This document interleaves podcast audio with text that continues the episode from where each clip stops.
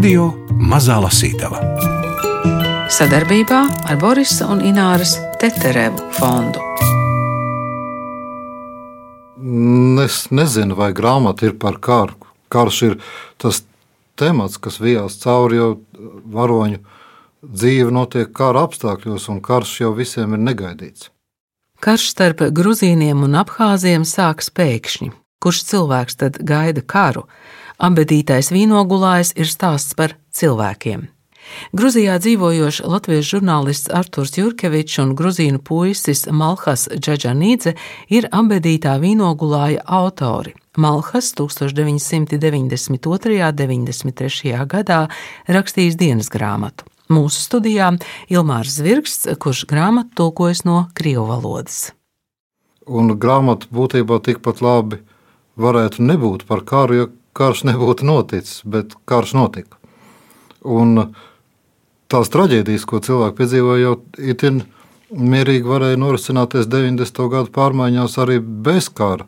Un daudz labāk būtu, ja nekāds karš nebūtu bijis. Bet tā nu, vēsturiskā patiesība ir tāda, ka tas notika. Un, uh, bet, kad es kā tulks darbojos, neapšaubāmi, ka nu, man ir jāskatās, kas ir galvenie motīvi.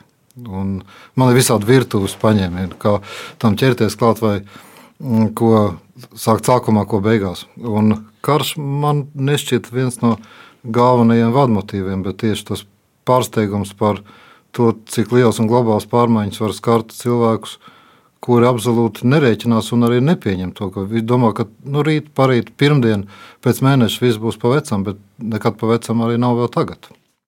Es ticu tekstam vairāk kā autoram. Esmu pazīstams tikai ar tekstu, un tas ir pietiekami. Autors varētu būt priecīgs to dzirdēt. Tā saka tulkotājs Ilmārs Zvirksts. Es ticu, piemēram, ja grāmata ir gatavs darbs, tā jau dzīvo, kā viss skaisti saka, pastāvīgu dzīvi. Neatkarīgi no autora. Pat ja autors ir gribējis kaut ko vai gribējis kaut ko uzsvērt, mm, viņš jau nevar. Tad mums jāsēž blakām pie galda. Vai ne tikai ar mani, ar lasītāju. Autoram jāsēžas blakām un jāsaka, tu tagad lasi, draugs, bet šajā lapā nav svarīgāk, svarīgāk ir šajā lapā. Bet, uh, Es jau nezinu to, kā autors teikt, un neviens lasītājs to nezina. Un tas man šķiet īstenībā, man liekas, priekšrocība ir tas, ka es strādāju ar tekstu, kā pabeigtu darbu. Un to, ko te man jāķerās pie virtuves, jo tā virtuve tulka jau ir ļoti vienkārši, tur nav nekā slēpjama man ir jāmēģina radīt ekvivalents tam, ko autors būtu domājis. Jāiedzīvojas viņa ādā, jāpazīst notikumi, bet dabīgi, ka ne es varu uzvilkt fiziski viņa drēbītes, ne būt tajā notikumos, ne pazīt cilvēkus, bet es tomēr ticu tam tekstam vairāk kā autoram. Es skatos, jūs esat tulkojis no senebreju valodas un no aramiešu valodas, arī nu, tur jau jūs autoram nevarējāt piedalīties. Zvanīt var, bet neceļ. neceļ Nekad neceļ. Malahija neceļ, Joels neceļ. Un piecas mūzes grāmatas. Tas arī mūsdienu ievrīt literatūru esmu tulkojis. Tur autoriem var piezvanīt. Īstenībā nedz autors, ne tas stāsts, tas ritinās tā, ka nevienmēr precizē, kas tur ar to bija domāts. Tur jau plosās dažādas kaislības, piemēram, tā, ka viņi viņi apmetās bijušajā turistu bāzē pie ezera un nāk eh, tie ienaidnieki. Tur jau viss emociju gāma, vai nu, vai nu viņš vai es. Bet tas ir jāsaprot. Tas nevienmēr tā tiek uzrakstīts, ka nu, es tagad aizstāvēšu savu dzīvību, noslēpošu to, palikšu dzīves. Tas ir jāsaprot, ka situācija ir būtībā dzīvība karājās matu galā. Fragmentus no abedītā vīnogulāja lasa Gunārs Āboliņš. Kādu dienu aiznesu uz slēptuvi tēva divu stobreni, savu gaisu šauteni un mūsu sastāvju žiguļu riepas. Mašīnas bija sākušas spērt kā senos laikos zirgus. Zelts un nauda, ietīta laikrakstā komunists, iegūla zemē pie toaletes dārzā. Man šķita, ka esmu gatavs nelūgtiem viesiem. Taču, kad uz celiņa, kas cauri alijai veda uz māju, piepieši uzrādījās trijotne, es tik, tikko paguvu izteikties viņam pretī. Nu, tā, vienās biksēs uz plikas miesas. Es iesoļoju tik gaidītajā pieaugušo pasaulē. Ja atradīsi ieročus, paliksi dzīves. Šie rudbāža vārdi man sekoja gluži tāpat kā klaidonis, ar kuru kopā mēs meklējām tēva divstobreni. Grūti strīdēties ar tādu, kam rokās automāts, un vēl grūtāk tādam ticēt. Klīzdams pa māju, es vienkārši vilcināju laiku. Ieskatījāmies visās 16 istabās, bēniņos un pat zem vasaras virtuves pamatiem iekšpagalmā, ieroča nekur nebija. Visbeidzot, pavadīju klaidoni, nu, klaidonis ir tā kā iesauka. Klaidoni uz pieliekamo zem kāpnēm. Pēdējo reizi redzēju šeit, rekur patronas. Brīnījos par atradumu, kaut gan bija tās atstājis pieliekamajā tieši šādam gadījumam bet manas gaisenes nav. Varbūt tēvs aizvedis un mēs velti meklējam. Dod šurp. Klaidonis atņēma kastīti. Tev pašam labāk, ja viņš būtu atstājis. Māgā, tas arī ir iesauka, māga piekāpties neprot. Es nojautu, ka maga ir kalnietis kamuflāžas formā, bet, ja neatradīsim, Klaidonis tikai paraustīja plecus.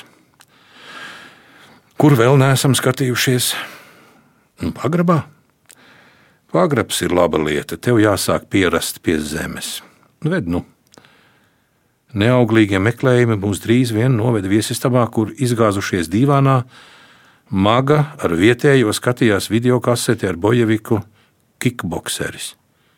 O, tā ir tik ir filma. Sajūsmināts iesaucās Klaidonis. Gagrā salonā visu laiku rādīja. Kad ieraudzīja, kā Van Dāme ar kāju lauž palmas, izskrēja pagalmā un sāka bliest pa plūmēm. Nu, un kā? apvaicājās vietējais. Visu kāju atsitu. Palika tāda zili melna. Nedēļu nevarēja piecelties no gultas. Būtu mēģinājis ar galvu, Māga novilka caur zobiem, pieaudzis stāvains, bet nesaprot vienkāršas lietas. Tas taču kino. Palmu iepriekš iezāģēja, tad apgāza, pat no bērna pieskāriena tā apgāstos. Nu jau nu gan, Klaidonis neticēja. Paklau, visi tie paņēmieni ir tīrais fufelis, triki. Lūk, Māga pacēla no ceļgaliem automātu. Tas ir spēks. Noguldīs ikvienu. Tā jau pavisam cita lieta. Tāda pati vien ir. Stiprāks tas, kam stiprāks ierocis. Bet vai zini, kā Davūds pievārēja džalūtu? Nu, Davūds un džalūts Korānā tiek saukti bibliskie Davids un Goliāts. Kā Davūds pievārēja džalūtu, Viņam bija virve un akmens, bet milzim šķēps. Šķēps ir neparocīgs, bet ar akmeni var sviest tik viens. Sanāk, ka tas bija labāks ierocis. Tev ir liela gabals, man automāts, kurš no mums stiprāks? Klaidonis neatbildēja. Un maga turpināja: Toties tev ir ierocis, bet viņam, viņš norādīja uz mani, nav nekā. Varbūt viņš kaujas simtreiz labāk par tevi, un tad viņam tika teikts, ja atradīs ieroci, paliks dzīves. Un ko viņš atnesa tukšu gaisu? Vai tad gaiss ir stiprāks par lodēm?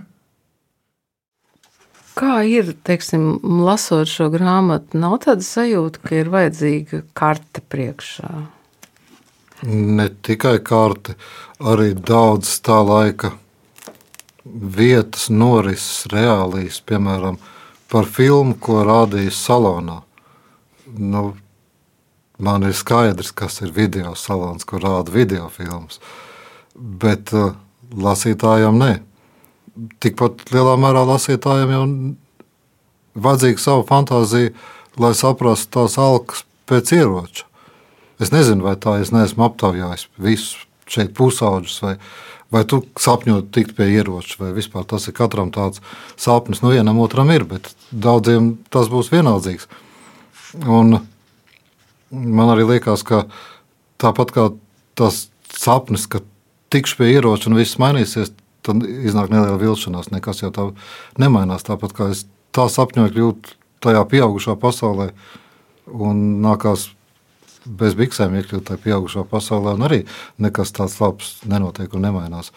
Tie ir tādi motīvi, un tā, tieši tāpēc man arī jāizsaka kompliments autoram, varbūt vēl viens grūzīniskā dāsnumā. Tas jau to tekstu arī padara par literatūru, nevis par kara kaut kādu dokumentālu aprakstu, ka tur ir iespēja katram darbināt savu fantāzijas pasauli. Nesaskatu arī, ka tur būtu īpaši daudz politisku motīvu. Tur drīzāk grāmata ir kritiska pret tā laika Grūzijas valdību, kur zaudē vienu apdzīvotu Grūzijas teritoriju pēc otra autora skatījumā. Tur arī tā vilšanās, ka Tūlīt mūsēji atnāks, tūlīt atkaros. Tas ir tikai pagaidām. Pagaidām padzīvosim pieticīgāk, vārīsim putriņu un tūlīt pēc mēneša dzīvosim. Bet tā nenotiek. Un ne tā laika Grūzija ir īsti militārs spēks, ne Abhāzija. Visi ir pārsteigti par to, ko viņi viens ar otru dara. Un tādu politisku agendu es īsti arī nesaskatu. Varbūt, protams, ka ja šo grāmatu Abhāzijā lasīt pavisam savādāk. Pie mums Kaukazā ir tā, kas patīk, to dāvina. Vaļera, mājas tīkotājs deva komandu, un viņa padotais negaidīt veikli paķēra jaku, aizskrēja, imedo aiz muguras un uzmeta to nabagam plecos. Nu, viss salīguši. Bet 15,000 pēc mūsdienu cenām tie ir četri rituļi suluguņi siera. Sarunu biedru vaigs piepieši kļūt ciets kā akmens. Mēs neesam tirgu, šī nav kaulēšanās. Ņem naudu, kamēr neesmu pārdomājis. Bet mums taču Krievijā neviena nav, bubināja Imedo. Zini, ko radus es tev sameklēšu. Es piedāvāju, ja gribi, aizvedīšu, ja nē, paliec. Bet ir aizdomas, ka ilgi jūs te nenovilksiet, vai ne, Vaļera? Tas šķība pasmīnēja. Nu, nevar taču tā kā ar mietu papīri, man vajag apdomāt. Ļaujiet aprunāties ar sievu. nu, saprotu, māju pārdot nav tas pats, kas aizvest uz tirgu miltu maisu. Nu, padomā, mēs palikām pie draugiem Bzibā un rīt no rīta brauksim atpakaļ pēc atbildes. Kā no rīta? Ko tad tu gaidīji? Karš! Katra diena kā pēdējā. Rīt es iespējams jau būšu atradis jaunas mājas zemē. Jāsteidz dzīvot, bet pagaidām iesim iekšā, apskatīsim kā gan Imedo varēja iebilst. Ierāvis galvu plecos, viņš paklausīgi vilkās nopakaļ ar stulbo ādas jaku plecos, kautrēdamies paskatīties acīs satrauktajām sievietēm, sapņodams vienīgi par to, lai šis kauns pēc iespējas ātrāk beigtos. Kad abi bija prom, steigšus tika sasaukta ģimenes padome. Pasauc arī mūsu. Kamēr pieaugušie gāja cauri visām nepieciešamajām uzspiesta lēmumu pieņemšanas stadijām, mēs ar puišiem tūdaļ sajūtām atvieglojumu. Vecāku došanās projām bija labākais variants. Mēs nekādi nevarējām izdomāt, kā parūpēties par viņu drošību, bet nu risinājums pats iepeldēja rokās kā zivs, ko bija rādījis nekaunīgais viesis. Tiklīdz pieaugušie būs otra puse psau, mums būs brīvas rokas. Viņu aizbraukšana it kā atraisīja radniecības pinekļus, kas tik ilgi nebija ļāvuši mums izvērsties pa īstam. Šķirties no mājas nebija žēl. Jaunākajam Hunsarijam piedarošā mitekļa puse bija uzskatāms nabadzības apliecinājums, bet vidējā brāļa puse Nu, tā, mēs uzskatījām, ka mūsu ciemu iedzīvotājiem bija paveicies jau dzīves laikā nokļūt paradīzē, un priekšlaikus nokļūt debesu paradīzē nav jāsteidzas. Pārdodiet, mēs teicām, ja atteiksieties, mums šeit ieeja būs liekta. Mūsu uz robežu neviens nevedīs. Abhāzi par mūsu vecumu zēniem pareizi domā. Tiklīdz būsim brīvībā, pēc divām dienām jau karosim pie gumistas, bet sievietes un vecākus ļaudis palaidīs. No robežas otras puses ar armēņu starpniecību padosiet ziņu, un tad arī mēs dosimies ceļā. Tantē vaļai mirdzēja acis. Natella kaut ko turpināja, Imedo rauca pieri, tomēr visi saprata, ka izvēles nav. No rīta uzrādījās pircēji. Līdzi paņemtais vecītis notārs sastādīja zemes gabalu un mājas pirkšanas pārdošanas līgumu, tika iedota nauda. Rīt desmitos būsim pie jums. No mantām ņemiet tikai pašu nepieciešamāko. Jūsu rīcībā ir viens bagāžnieks uz trijiem. Nu, nenokariet degunu, dzīvē viss mainās. Vai gan mēs varējām iedomāties, ka kļūsim par saimniekiem savā zemē?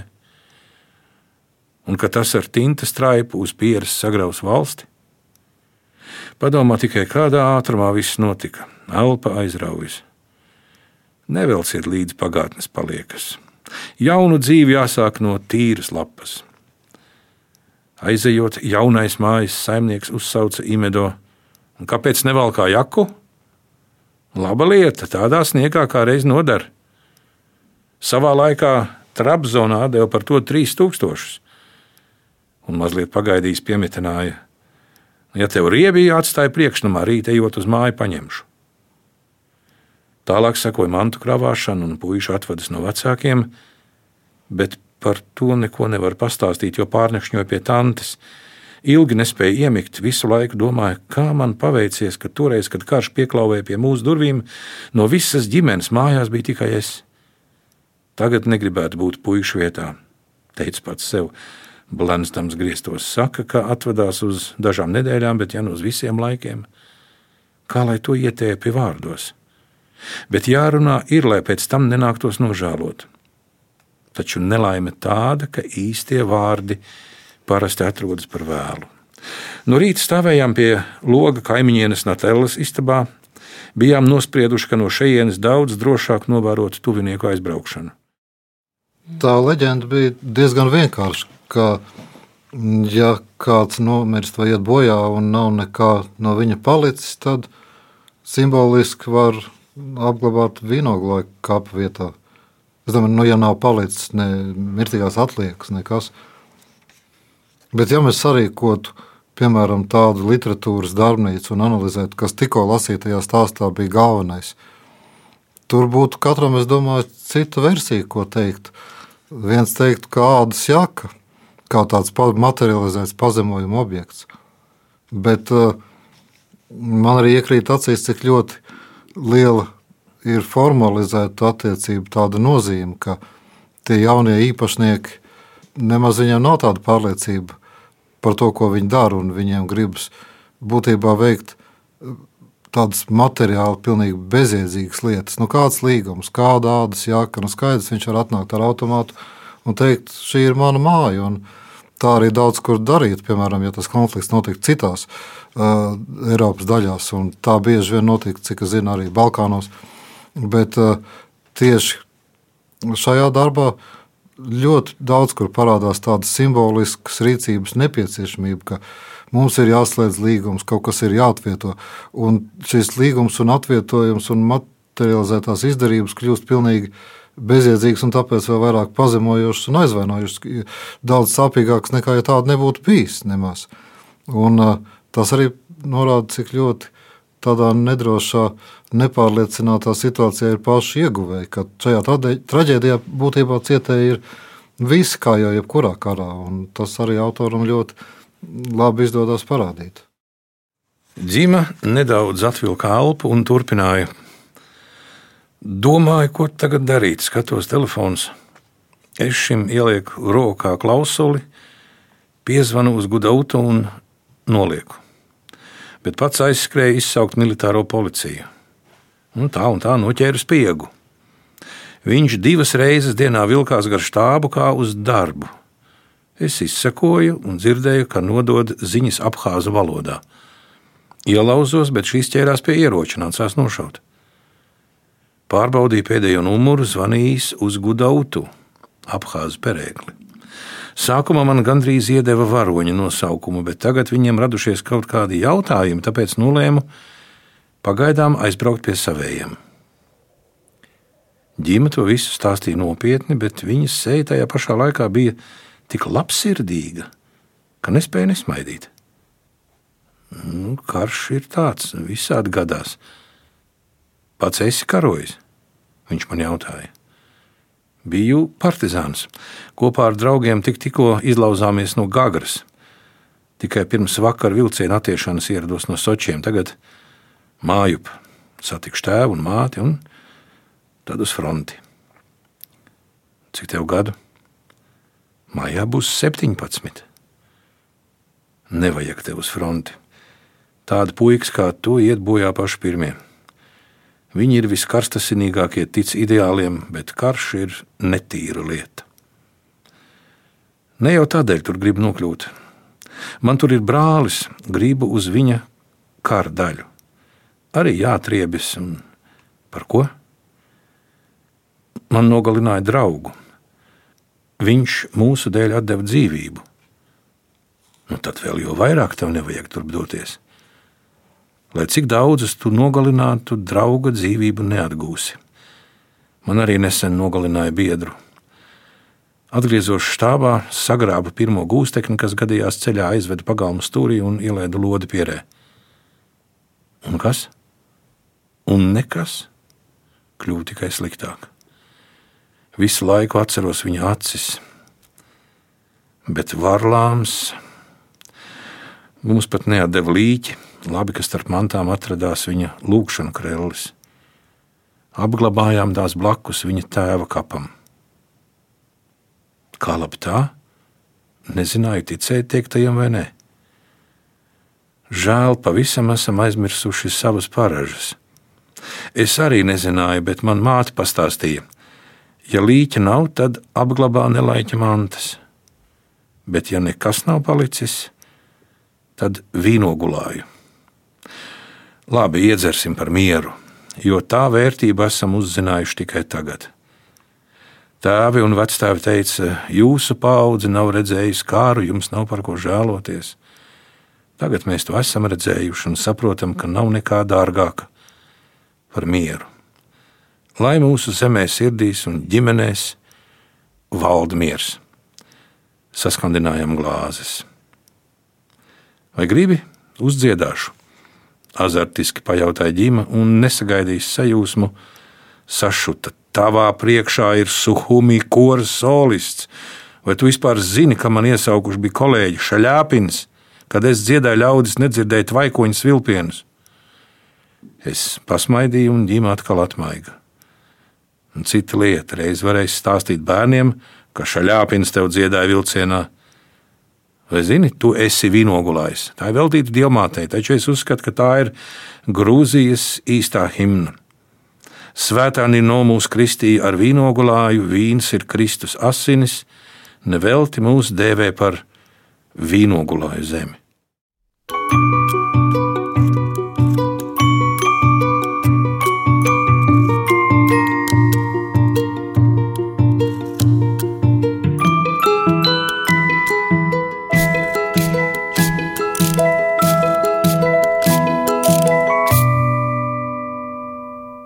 Es ticu tekstam vairāk kā autoram. To vairāk kārt mūsu sarunā uzsver tulkotājs Ilmārs Zvirksts ar lielu pieredzi senu un netik senu tekstu tulkošanā.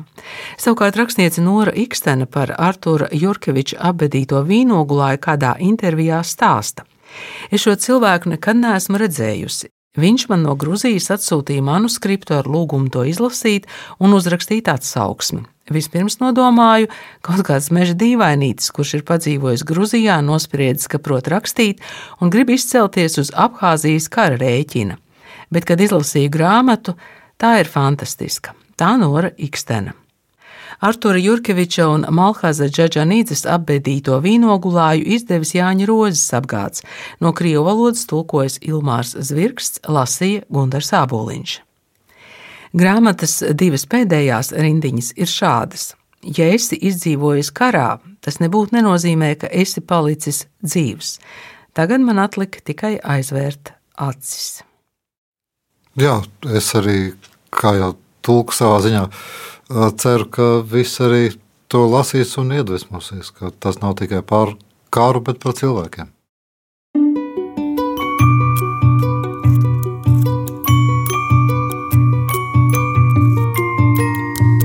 Radio Mazā Lasītava sadarbībā ar Borisa un Ināras Teterevu fondu.